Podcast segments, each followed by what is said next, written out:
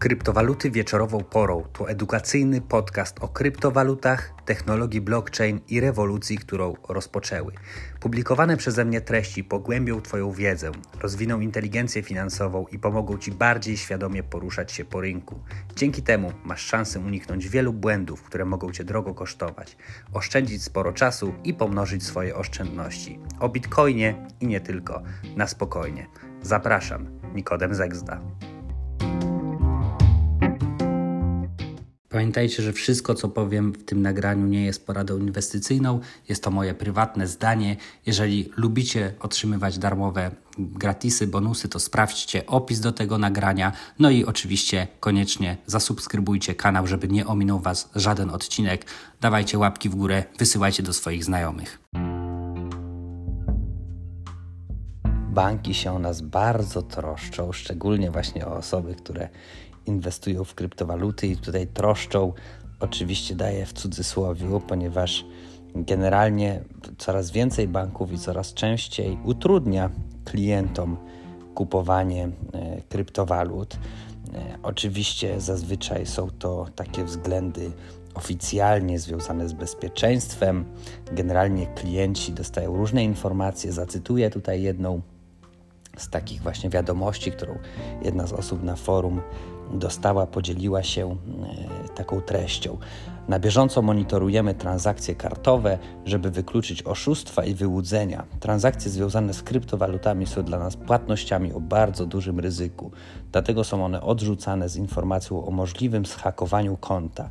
Nasz bank z uwagą śledzi kwestie związane z kryptowalutami, gdyż mają one wpływ na konieczność mitygacji ryzyka operacyjnego oraz zobowiązania wobec partnerów międzynarodowych.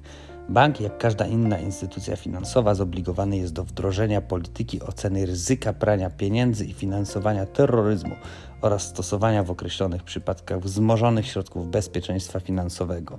W związku z tym, do czasu uregulowania przez organy nadzoru kwestii kryptowalut, nasz bank realizuje ostrożnościową politykę nawiązywania i prowadzenia relacji z podmiotami wymieniającymi waluty wymienialne na kryptowaluty.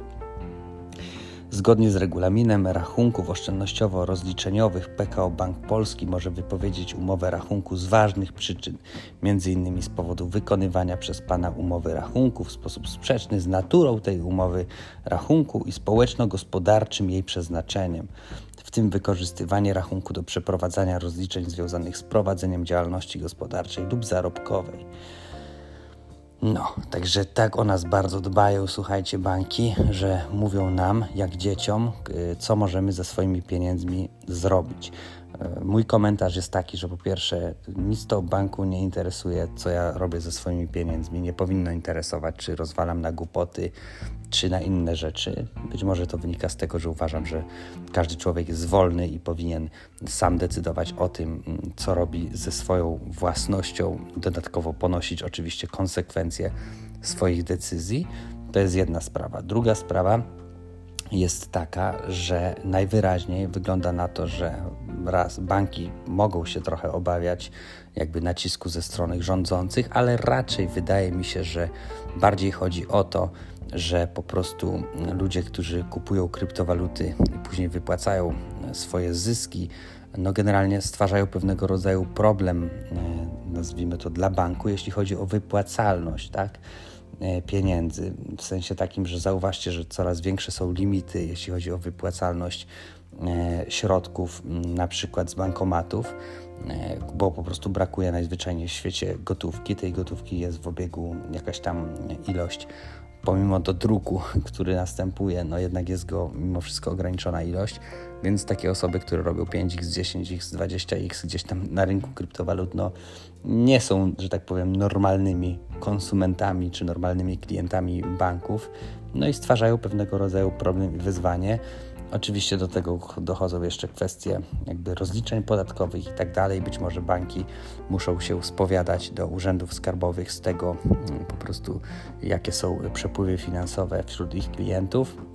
No i nie chcą być gdzieś tam e, jakoś pod lupą e, instytucji nadzorujących.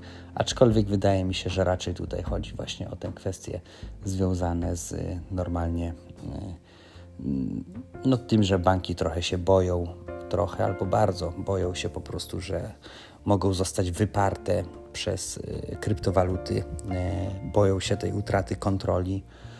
Państwa oczywiście centralne, banki centralne również boją się tej utraty kontroli, tego monopolu na wydawanie pieniędzy, no bo ludzie już w tym momencie wyemitowali sobie swoje własne pieniądze. Zaczęło się od bitcoina, później powstały kolejne inne kryptowaluty, więc można powiedzieć, że ludzie bez oglądania się na właśnie banki, na rządzących, wyemitowali sobie swoje własne pieniądze i zrobili to w taki sposób genialny, można powiedzieć, tak jak to zrobił Bitcoin, że jest to nie do zatrzymania, zdecentralizowane, jest to zautomatyzowane i ściśle określone, no i nie do zatrzymania, tak, nie do schakowania, nie do zmienienia.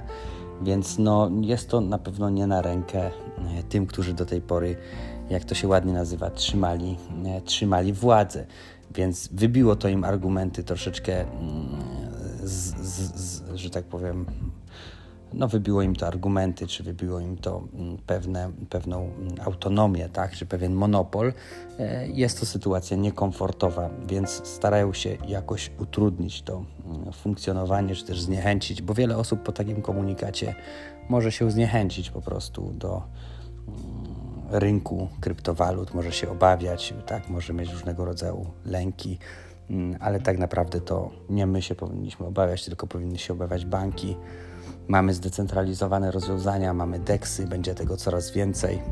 Będziemy mogli te swoje środki pomnożone w kryptowalutach utrzymywać w różnych formatach, tak, w różnych aktywach, e, tak naprawdę w blockchainie, w rozproszonej sieci, więc one będą nie do ruszenia. Więc pomimo wszystkich zagrożeń ja jestem tutaj optymistą.